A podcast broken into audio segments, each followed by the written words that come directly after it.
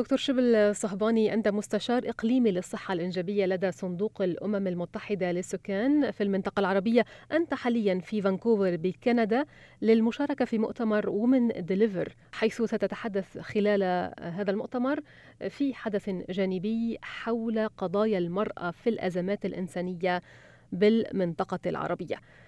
أولا أهلا بك وشكرا لإتاحة الفرصة للحديث معك حول هذا الموضوع.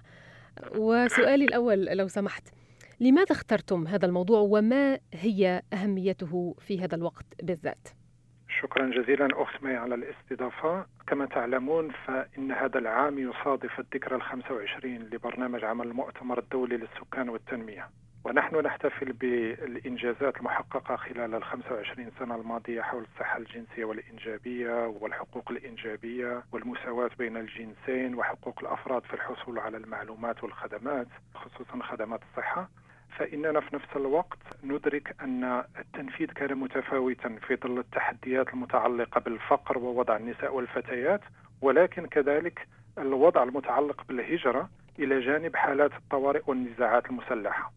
طبعا في أوقات آه، النزاع يتأثر الجميع بالعنف إلا أن النساء والفتيات على وجه الخصوص يكن أكثر عرضة لخطر العنف وخاصة العنف القائم على النوع الاجتماعي وذلك هو بسبب غياب الحماية الاجتماعية والافتقار إلى الوصول الآمن إلى الخدمات بما فيها خدمات الصحة الإنجابية. ونلاحظ كذلك زيادة انعدام المساواة بين الجنسين أثناء الأزمات الإنسانية. لذلك فإننا ارتأينا لاختيار هذا الموضوع والذي حطيناه تحت عنوان لا زلت امرأة لإعطاء الصحة الإنجابية الأهمية التي تستحقها ضمن الأولويات في الحالات الإنسانية والأزمات الإنسانية وكذلك لتشجيع على تجديد الالتزام ببرنامج عمل المؤتمر الدولي للسكان والتنمية رؤية القاهرة 1994 خصوصا ونحن على أبواب الطريق كما تعلمون إلى نيروبي لتجديد هذه الالتزامات. أريد أن نتحدث بشكل خاص عن الوضع في منطقتنا.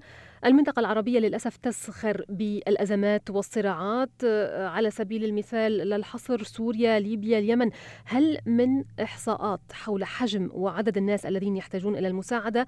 وما هي نسبة النساء والفتيات من إجمالي هذا العدد؟ نعم بالطبع. يعني أتفق معكم 100% يعني في العشريتين الأخيرتين عرف عرفت المنطقة آه، العربية أوضاع وأزمات إنسانية غير مسبوقة.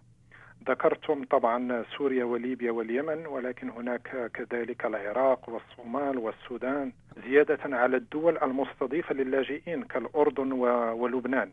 الإحصائيات تشير أنه عبر العالم هناك تقريبا 136 مليون شخص في حاجة لمساعدات إنسانية. بما فيهم 5 مليون امرأة حامل و22 مليون طفل ورضيع المفوضية السامية للاجئين تعتبر أن هناك 68.5 مليون شخص هاجروا قسرا وكذلك 30 شخص يهاجرون قسرا كل دقيقة. 40% منهم من المنطقة العربية وتتصدرهم طبعا سوريا وفلسطين للأسف. حسنا من خلال عملك في الميدان دكتور شبل كمستشار إقليمي لصندوق الأمم المتحدة للسكان وكطبيب ما هي أبرز تداعيات الأزمات الإنسانية على الفتيات والنساء خاصة في ظل ضعف الأنظمة والبنى التحتية في المنطقة؟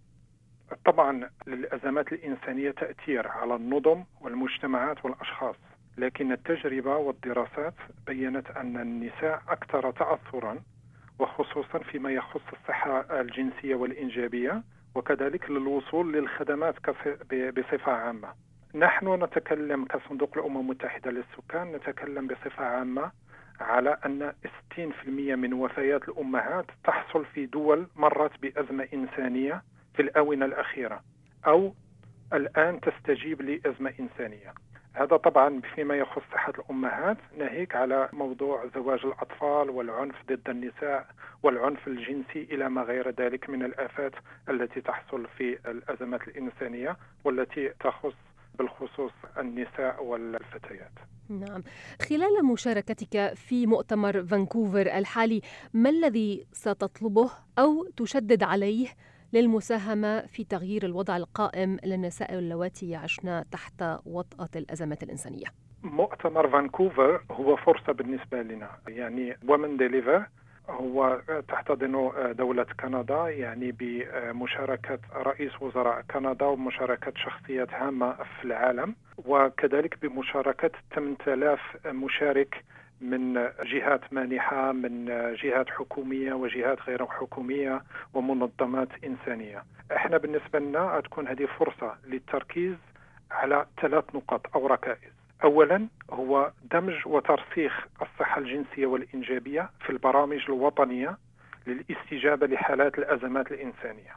النقطة الثانية وهي الاستثمار في الجاهزية يعني قبل حدوث الأزمة لاستجابة أنجع لحاجيات النساء والفتيات والشباب وكذلك إشراكهم في برامج الطوارئ وعدم اعتبارهم كمستفيدين فقط. ثالث نقطة وهي حث صانعي القرار والجهات المانحة على وضع احتياجات النساء والشباب والصحة الإنجابية ضمن الأولويات في حالات الطوارئ والأزمات وتجديد التزاماتهم في مؤتمر نيروبي 2019 بنوفمبر إن شاء الله. إن شاء الله.